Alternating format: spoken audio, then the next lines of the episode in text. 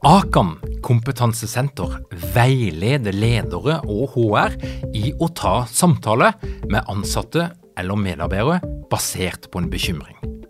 Akan setter ledere og medarbeidere i stand til å forebygge og håndtere en problematisk bruk av alkohol, narkotika, legemidler, spill eller doping blant ansatte. Ønsker du å lære mer om god forebygging og gjennomføring av samtale med en som du er bekymra for? Da kan du nå få tilgang på Akan sitt digitale samtalekurs til spesialpris, kun 760 kroner. Målet med kurset er å gjøre deg tryggere i det som kan være en krevende, men viktig samtale å ta i lederrollen. Du får tilgang til kurset med å gå til samtalekurs.no, samtalekurs.no, og bruke kampanjekoden LEDERPODDEN. Tilbudet gjelder ut april. Lederpodden er gitt til deg av Execu.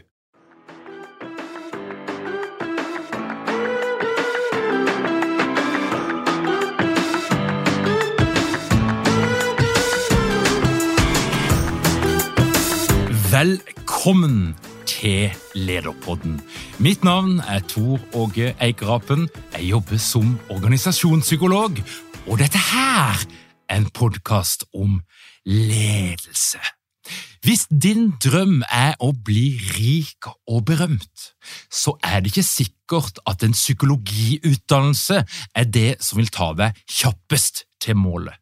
For det er langt mellom historiene om psykologer som gjør kommersiell suksess, og i hvert fall basert på en forretningsvirksomhet som faktisk handler om noe av det du lærer på psykologskolen. Men det fins noen få unntak, og en av de skal du møte i dag. Sammen med Rudi Myrvang etablerte Espen Skorstad i 2003 Cut E. I 2017 ble selskapet solgt til den amerikanske forsikringsgiganten Aeon for en snau milliard. I tillegg til å være psykolog og suksessfull gründer, er Espen Skårstad en av de i Norge som vet mest om testbruk i seleksjon og utvikling. Men først skal du få et par ord fra Ellen Holt, tidligere deltaker på lederprogrammet, som i dag jobber som leder i Sveko. Ellen, var det verdt det? Ja, det er skikkelig kult, faktisk. For den følelsen sitter jeg Det er så eh, tydelig for meg at det her angrer jeg ikke én krone på. Så jeg kjørte jo full pakke. Ambisiøs og personlighetstest og alle moduler. Og jeg har hatt så god nytte av det. Jeg jobber jo med mennesker.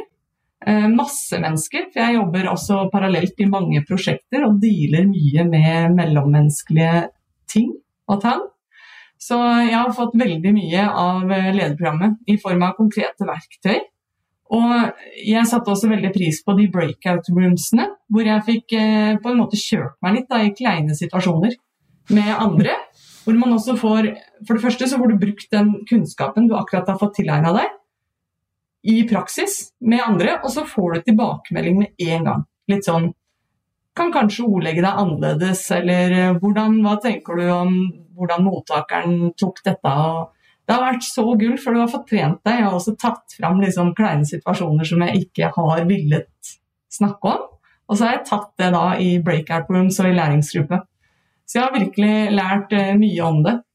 Og for min del så handla det jo også om å få en litt sånn uh, å få en litt uh, kunnskapsgrunnvoll da, for ledelsesfaget. Og jeg har fått nyvunnen respekt for at ledelse faktisk er et fag. At det er veldig mange ferdigheter som man kan lære seg.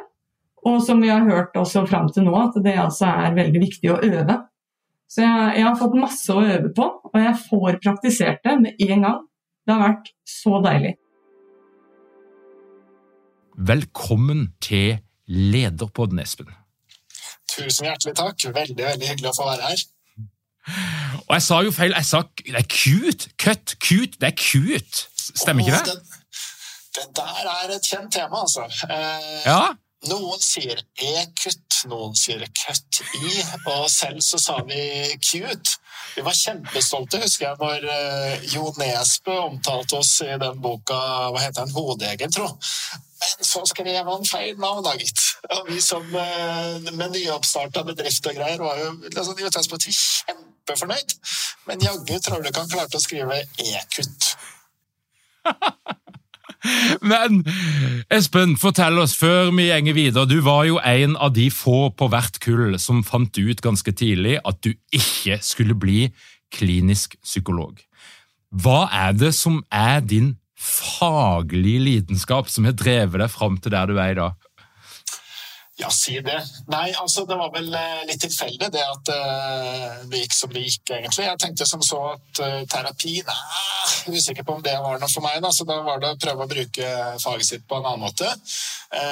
Nærliggende var det å bli kanskje værende på universitetet, i akademia på en eller annen, en eller annen sammenheng. Men så fikk jeg noe jobbtilbud litt sånn tilfeldig, etter hvert bl.a. av nevnte Rudi, som forbarma seg over meg på et tidspunkt. Og så ble det jaggu ta meg testmetodikk eh, brukt i rekruttering og lederutvikling. Og jeg hadde vel egentlig aldri tenkt at jeg skulle bruke psykologkarrieren på noe sånt, men så ble det bare, gitt. og, og, dette her med, med teste altså Hvis en følger litt med på LinkedIn og i fagtidsskrift, og den slags, så virker det som det er minst to leirer. Det er de som sier teste er viktig, teste er objektivt, teste er eh, en del av det å drive med profesjonell utvelgelse. Og så er det en annen som driver stadig og kaster inn noen bomber og sier at teste er tull, det er ikke valid, dette her er bare eh, horoskop.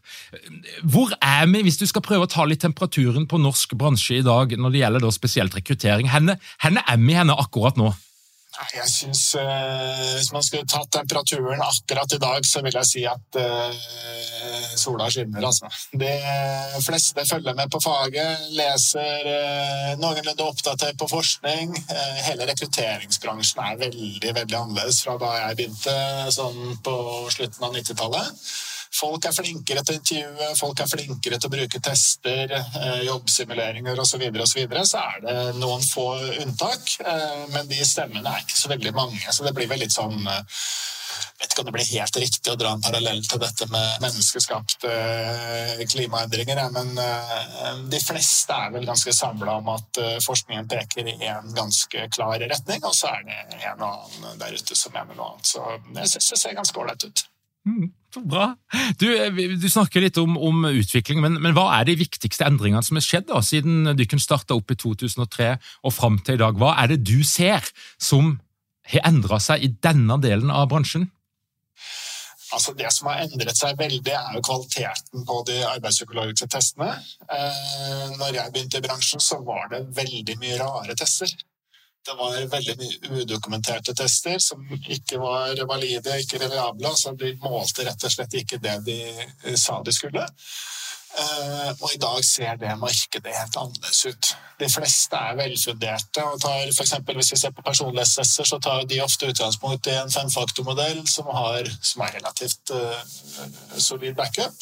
Og det samme gjelder egentlig på evne- og ferdighetstesting, så jeg syns det ser ganske ålreit ut. Uh, de aktørene som har metodikk som er dårlig dokumentert, de fins stort sett ikke lenger. Eh, så jeg syns nesten på, når man ser på den konkurransen som eksisterer, i hvert fall her, her til lands, så syns jeg det er veldig mange flinke og profesjonelle aktører. Så det, er, det syns jeg ser bra ut.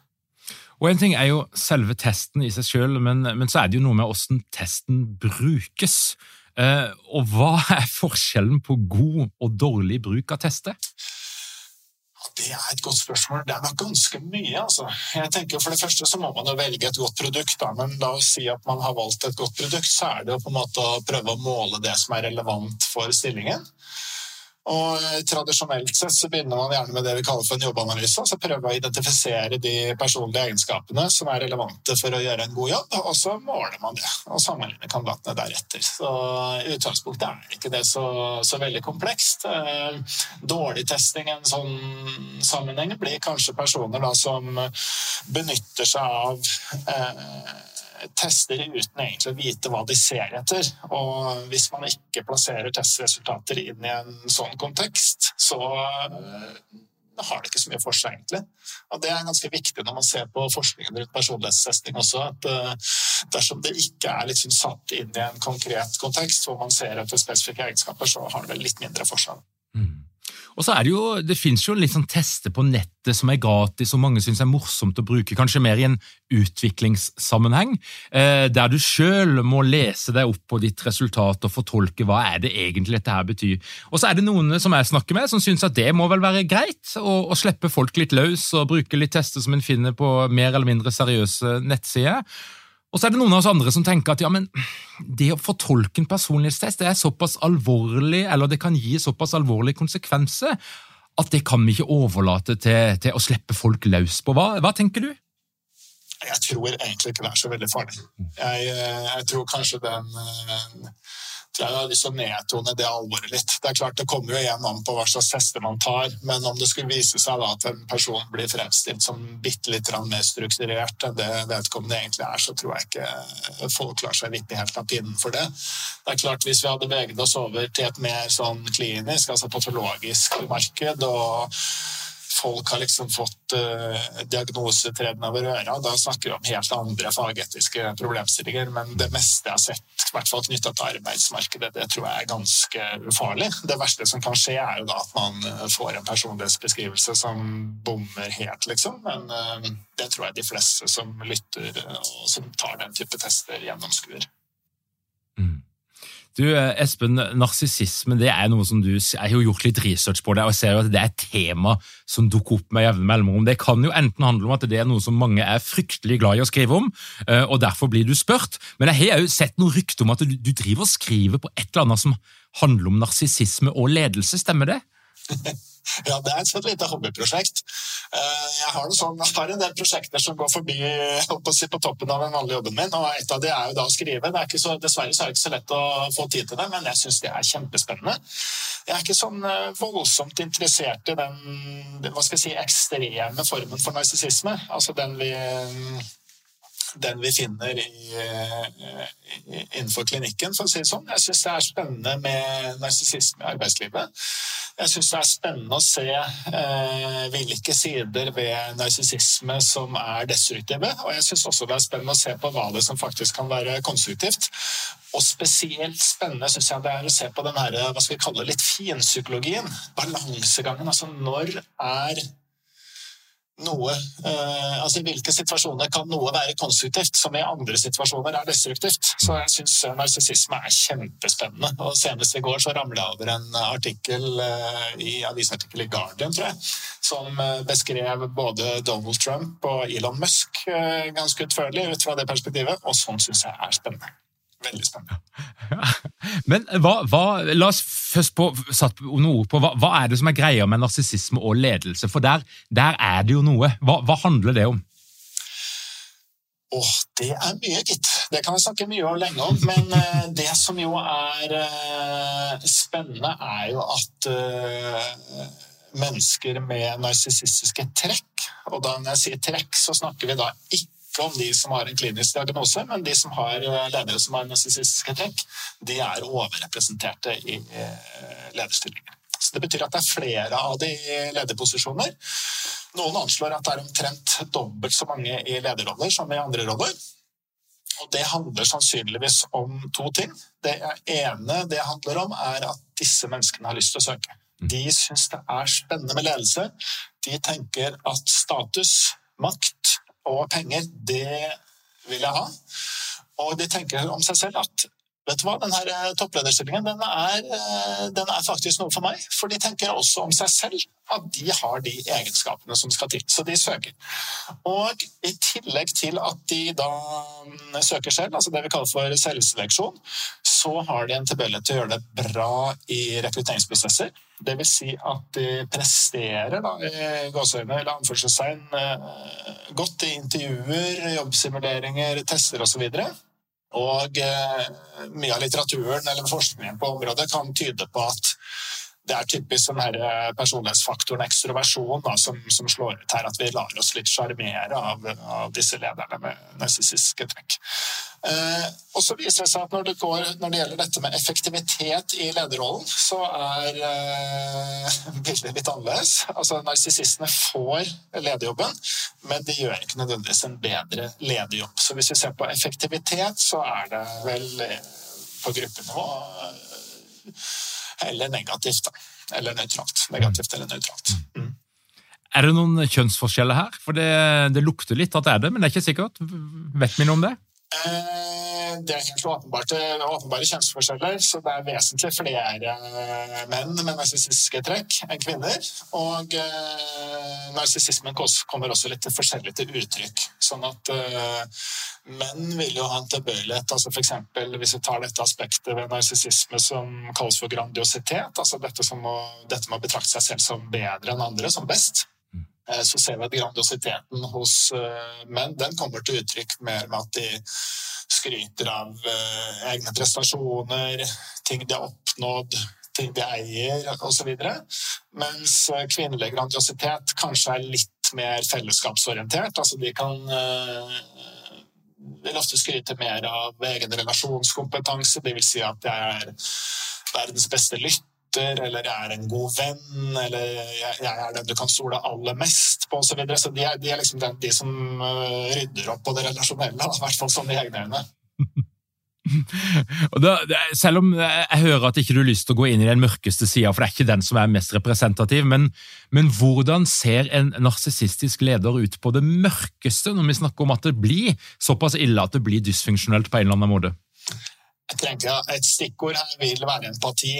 Um, og da, hvis det blir veldig mørkt, så er det så klart uh, mangel på empati. Og da skiller vi gjerne mellom kognitiv empati, altså det å forstå uh, hva skal vi si, andres, andres, følelser, egne og andres følelser. Men også den affektive delen. sånn at det er, eh, det er empati, empatien som skiller den, den, lysere fra den mørkere siden av narsissisme, vil jeg si. Altså det, er en, det er en helt avgjørende faktor her.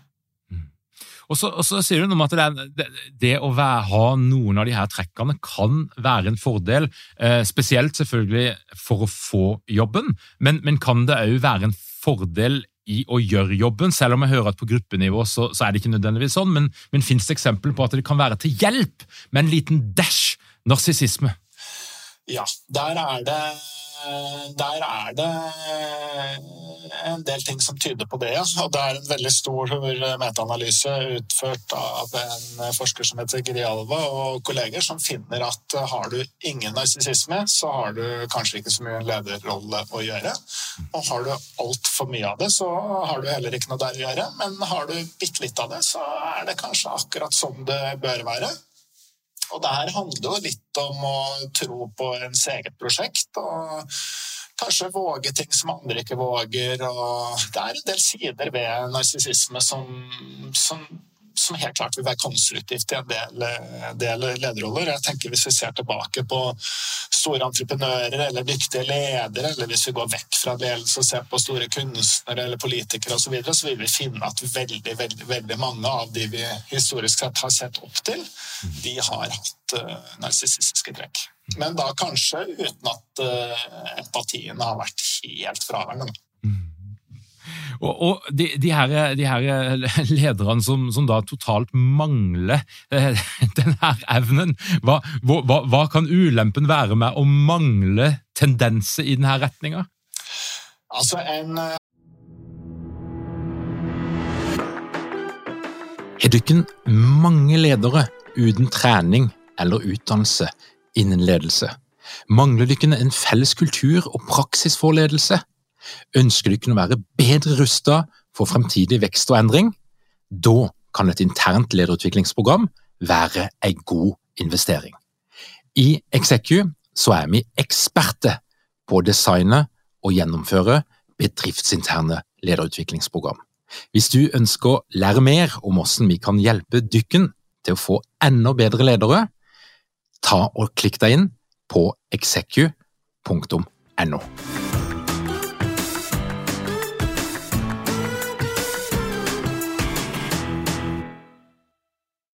det var en uh, venn av meg som har en uh, psykodynamisk uh, tilnærming til, til, terapi, altså noe i retning av klassisk psykoanalyse, og han sier det at har du ikke noe narsissisme, da blir du sittende helt stille da skjer det absolutt ingenting. Sånn det, det, ligger noe med ambisjoner i narsissisme. Det ligger noe med å være litt frampå, ha troen på egne prosjekter, eh, våge ting som andre ikke våger osv., som helt klart er eh, konstruktivt. I, kan, eller kan være konstruktivt i en lederrolle. Og så har du klar, også dette med um, dette med at narsissisten ofte er eh, opptatt av å få søke beundring og få oppmerksomhet. og Det kan være flott på enkelte arenaer, det også. Det betyr at de kan være flinke til å stå fram i avisa, eller de kan klare å få en plass på Skavlan eller Lindmo eller et eller annet sånt, ikke sant? hvor de klarer å få oppmerksomhet både rundt seg selv som et eget varemerke, eller, eller den bedriften de leder. Så det, det, det er egenskaper ved narsissisme som kan være konstruktivt. ja. Hei, jeg heter Bård Fyn. Gjennom 15 år i Forsvaret så jobbet jeg masse i team, og det bygde seg opp en nysgjerrighet om hva det skal til for å få det beste ut av samarbeid. Nå forsker jeg på å undervise om eh, hvordan psykologisk trygghet kan bidra til gode teamprestasjoner. Jeg skal delta med en modul på lederprogrammet til våren, der du skal få lære om eh, hvordan du på en praktisk måte kan lede til psykologisk trygghet. Jeg håper å se deg der. Eh, mer informasjon på lederprogrammet.no.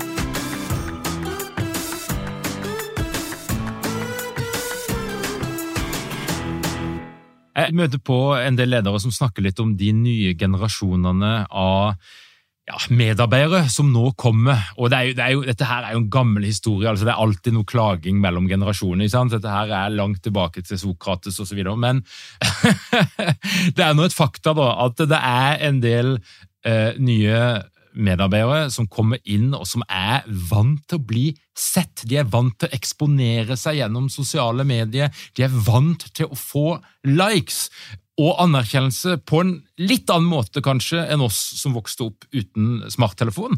Er det noe i dette her? Er det noen forskjeller eh, som ledere bør ta inn over seg? Det er et godt spørsmål, og eh, for å være ærlig så vet jeg ikke. Det har vært skrevet veldig mye om uh, disse generasjonene. Uh, det er en bok som heter The Narcissism Epidemic. Det er en bok som heter Generation Me. Og det er mye, som, måte, mye litteratur som handler om at uh, si, de yngre generasjonene har mer narsissisme, om, om, vi skal bruke det uttrykket, enn det, enn det eldre mennesker har. Uh, og som argumenterer da for at dette er på en måte eh, stimulert av uh, massekultur, ikke sant? reality-TV, sosiale medier, kjendisfokus osv., osv., som, som peker på at det kanskje er mer narsissisme blant unge enn eldre. Uh, den kurven eh, har lata til å flate ut de siste årene. Altså, så det, var en, en, kunne se ut som det var en liten vekst, i hvert fall blant amerikanske college-studenter en periode. Men, eh, men den eh, kurven har flata ganske mye ut. Ja. Så jeg er litt, personlig er jeg litt usikker på hvor mye som ligger i det. At det kanskje er litt sånn som du selv antydet der, da, at det er eh, litt en myte vi, vi liker å ha de yngre, liksom. Du, Espen, du er, jo, du er jo i gang igjen som, som gründer nå. Uh, og, og for, er litt sånn nysgjerrig. Hvordan er det å starte på, på runde to? etter å ha vært igjennom et sånt eventyr som er sannsynligvis helt, som er noe helt unikt. Hvordan er det å kjøre i gang igjen, eh, når du på en måte er litt sånn på andre sida? Du vet litt om hva som er fasiten, du har gjort deg noen erfaringer? Og det er så gøy. Det er helt ufattelig gøy. Jeg er så heldig. Jeg jobber med så flinke folk. Jeg kom ut av et møte nå for en times tid siden ja. Jeg har seks kolleger som er så flinke, og jeg sitter der nesten sånn in awe og bare liksom observerer og lytter og hører hvor mange smarte ideer de har. Så det er eh, Det syns jeg er et fantastisk privilegium. Eh, og jeg føler også at vi har et eh, ganske bra prosjekt på gang. Fordi mange av de som jobber og har jobbet innenfor mitt fagfelt, de har jo sett på dette med psykologiske metoder som på en måte løsningen på en del problemer i arbeidslivet, ikke minst det som går på usaklig forskjellsbehandling av kandidater. Og så ser vi at på tross av at mange har et riktig fokus og gjør mye bra på nettopp det, arbeid, eh, på det området, så er det veldig veldig mye som kan bli bedre. Og Der eh, ønsker vi å gjøre et uh, lite slag, både sånn at uh, virksomhetene får flere kandidater, men også at kandidater som historisk sett har hatt en tendens til å falle litt utenfor i rekrutteringsprosesser, får en mulighet til å havne innafor. Så det, er, det syns jeg er veldig, veldig gøy, og et sant privilegium. og Fairsight er jo navnet på, på, selskapet, men du må gjerne fortelle litt mer. Hva, hva er metoden? Hvordan skal du kunne sikre et større mangfold i, i, blant de som blir rekruttert? Visst. altså det er, Fairsight er et assessment-selskap, så det vi jobber med, er jo mye tradisjonell eh, psykologi plassert inn i moderne teknologi. Og det vi ønsker å gjøre, er jo rett og slett da å flytte flytte på en måte nåla litt mer i retning av at flere personer som havner utenfor arbeidslivet, har muligheten til å komme innafor.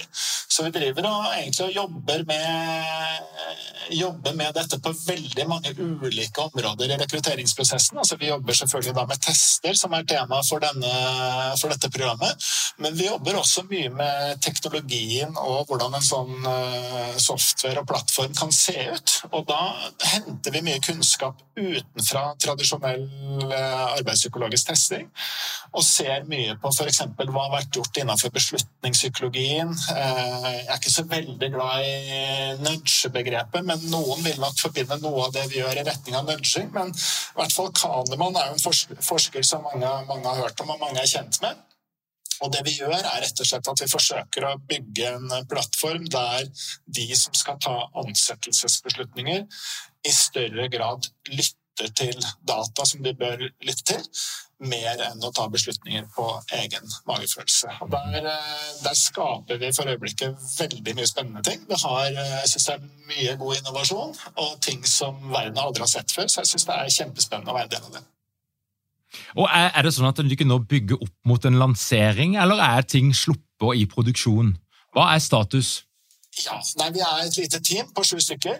Eh, vi har, eh, På den ene siden så har vi noen eh, team bestående av noen veldig erfarne psykometrikere. Altså de som lager psykologiske måleinstrumenter. Og på den andre siden så har vi teknologene, og i midten sitter en interaksjonsdesigner og prøver å holde disse folka i øra. Og eh, det vi gjør nå, er at vi har Vi lanserer en første versjon i mars. Det vi kaller for en MLP, en Minimal Lovable Project. og eh, vi syns det, altså, det, er så kult. Og så kommer vi til å ha, da kommer vi til liksom bitte litt å levere til markedet, og så kommer vi til å fylle på gradvis etter det. kommer det masse masse spennende. Men det første produktet, digitale produktet det vil være på plass sånn i første kvartal i 2023. Mm. Og Nå snakker vi jo litt om framtidas rekruttering og utvelgelse her. og jeg, jeg, lurer jo litt på når, når er det intervjuet blir gjort av en robot? Altså Når er vi der? For Hvis det er en stor feilkilde i rekrutteringsprosesset, så er det jo nettopp intervjuet. Det har du rett i. altså. Det gjøres veldig mye rart i intervjuet. Eh, det er veldig mye dårlig intervjuing. Og hovedproblemet er jo kanskje hvordan vi fortolker den informasjonen vi får. Så det er klart at eh, intervjuet er en enorm feilkilde til eh, spesielt usaklig forskjellsbehandling. Det er det altså. Jeg leste nylig en metaanalyse som handla om dette med nonverbalt språk i jobbintervjuet. Og det er jo så mye rare ting folk henger seg opp i. Altså. F.eks. noe så enkelt som hvordan folk kler seg. Og hvordan folk kler seg, hvordan det ser ut, ikke sant? om de har tatoveringer eller for den saks skyld er gravide, om de er høye eller lave, har lys eller mørk hud. Det betyr så mye, og det er helt forskrekkelig. Eh, både ut fra et diskrimineringsperspektiv, men også ut fra perspektivet til en arbeidsgiver som skal ha tak i en dyktig medarbeider, og som da dessverre eh, ofte kan ende opp med noe helt annet, basert på en eller annen form for ubevisst uh, holdning. Da. Eller noen, ikke nødvendigvis holdning heller, men egentlig ubevisste prosesser som går i retning av at man velger ting som er trygt, fremfor å forsøke seg på noe nytt. Så vi får håpe at uh, om ikke intervjuet som metode dør, så i hvert fall at uh, kvaliteten kan heves. Og jeg syns også der at uh, ser tendenser til at folk har blitt veldig veldig, veldig mye bedre til å intervjue. Det er ikke så lenge siden vi jobbet med politiet i Norge, hvor, hvor en erfaren polititjenestemann kunne fortelle at at han hadde vært med på jobbintervjuer i politiet der, der de demonstrerte da, Der de ba unge kvinnelige søkere til politiet om å demonstrere politistemme eh, ut av et vindu i løpet av intervjuet. Og eh, takk og lov så har vi kommet veldig mye lenger enn det. Både i form av hvordan intervjuer stilles, eller spørsmål stilles, hvordan det evalueres, hvordan dette settes inn i en kontekst opp mot en jobbanalyse og det hele. Så det syns jeg ser ganske så mye bedre ut, altså. Mm. Og hvis, du, og hvis, du, kikker inn i krystallkula, Espen, eh, jeg vet at du er opptatt av framtida, du er opptatt av teknologi. Hva tror du kommer til å skje? For det skjer jo fort. så, så hva, Henne er vi igjen om fem år når det kommer til rekruttering og mye AI, robotifisering og andre spennende ting vil vi se? Det er jo et veldig spennende spørsmål. Eh, jeg tror ikke jeg vil definere meg selv som en teknologioptimist nødvendigvis. Jeg syns jeg har sett en del mislykkede forsøk på dette med særlig videointervjuing og bruk av kunstig intelligens. Eh, det har vært en del aktører som har forsøkt seg på å bruke ja, teknologi i vurdering av eh, alt fra hva som blir sagt, hvordan det blir sagt, eh, språk, prosodi, eh, ansiktsmimikk eh, og det ene med det andre. Og det er vel ikke alle som har hatt like mye for seg. Og faktisk så er det sånn at faktisk as we speak, så er det søksmål i flere stater i USA som er retta mot en del sånne AI-løsninger på videointervjuing. Og det skyldes helt enkelt at, man, at, folk ikke vet hvorfor noen får tilbud om en jobb, og hvorfor andre får avslag.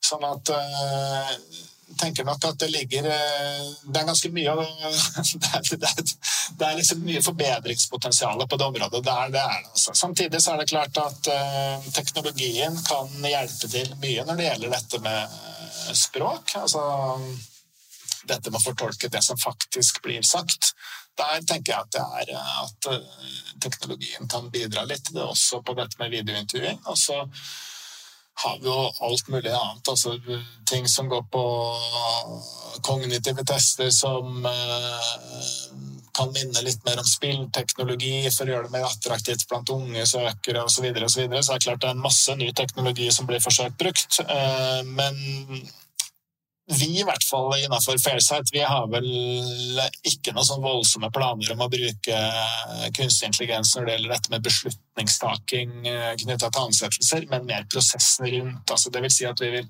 effektivisere si, kandidatreisene. Eh, og vi vil effektivisere jobben for den som skal sitte og administrere det her. Men når det gjelder dette med å ta selve beslutningen, så, så tror vi absolutt at det trengs eh, dyktige rekrutterere som kan, kan, ta beslutningen til syvende og sist. Mm.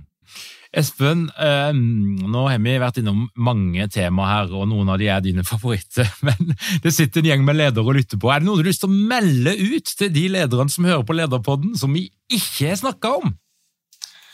Det var et godt spørsmål. Um, altså, la oss si at det er masse ledere. Nei, altså, for å holde det til rekruttering, da, som er kanskje mitt uh, område, så vil jeg tenke at det er eh, et tema som en del ledere har en tendens til å ta litt for lett på. Uh, nå skal jeg ikke si at lederutvikling eller coaching av ledere er unyttig, for det tror jeg absolutt ikke det er. Men jeg vet at veldig mange som jobber med lederutvikling og coaching av ledere, av og til har stilt seg spørsmålet hvorfor er denne personen i denne gruppa? Hvordan i all verden havnet denne personen i denne rollen? Og det er det en grunn til, og grunnen er jo som regel dårlig rekruttering. Sånn at når eh, vi spør ledere om hva er den største feilbeslutningen du har tatt opp gjennom karrieren, da ser vi at veldig veldig mange forteller at det var en feilansettelse. Liksom feil nummer én var feilansettelsen, og feil nummer to var at de ikke tok tak i det tidlig nok. Så jeg tenker at uh, et veldig enkelt råd er å ta rekrutteringen på alvor. Eh, søk eh, god kompetanse, enten internt eller eksternt, og bruk gode verktøy i beslutningsprosessen. Det tror jeg må være mitt råd. Og da lurer jeg på en ting, Hvordan gjenkjenner du en god aktør her? For Hvis du går ut på Google og søker på rekruttering, så er det et vanvittig mangfold. Det er en jungel av store og små selskaper, noen med én person, noen med bakgrunn fra ditt og noen med bakgrunn fra datt. Hvordan skal du gjenkjenne et bra selskap? Oi, det var et vanskelig spørsmål.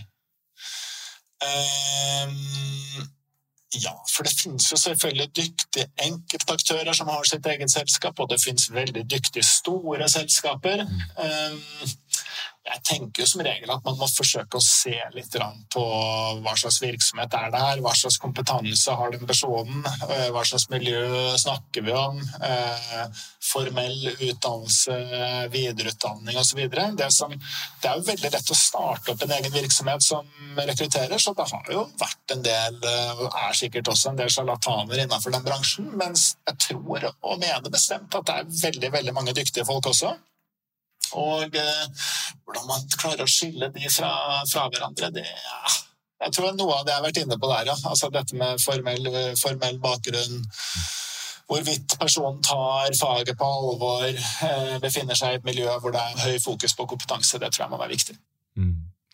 Tusen takk, Espen, og takk for at du kom til Lederpodden. Jeg må ønske deg lykke til med gründinga og bygginga av en norsk stor aktør innen eh, rekruttering. Tusen hjertelig takk skal du ha. Og til deg som hører på, hvis du er nysgjerrig på alt som skjer i vårt lederunivers, ja, da gjenger du inn på lederpodden.no No. Du trykker på den rette knappen, du legger igjen din e-post, og du vil få vårt ferske nyhetsbrev i din innboks hver eneste fredag. Og som du sikkert vet, nå er en ny utgave av Lederprogrammet, vårt hybride tolv ukers lederprogram, det er på gang. Ehm, og hvis du er nysgjerrig på hva det er for noe, og ønsker å få deg en plass, så er det lederprogrammet.no som gjelder. Takk for at du hører på Lederpodden. Vi høres igjen om ei uke.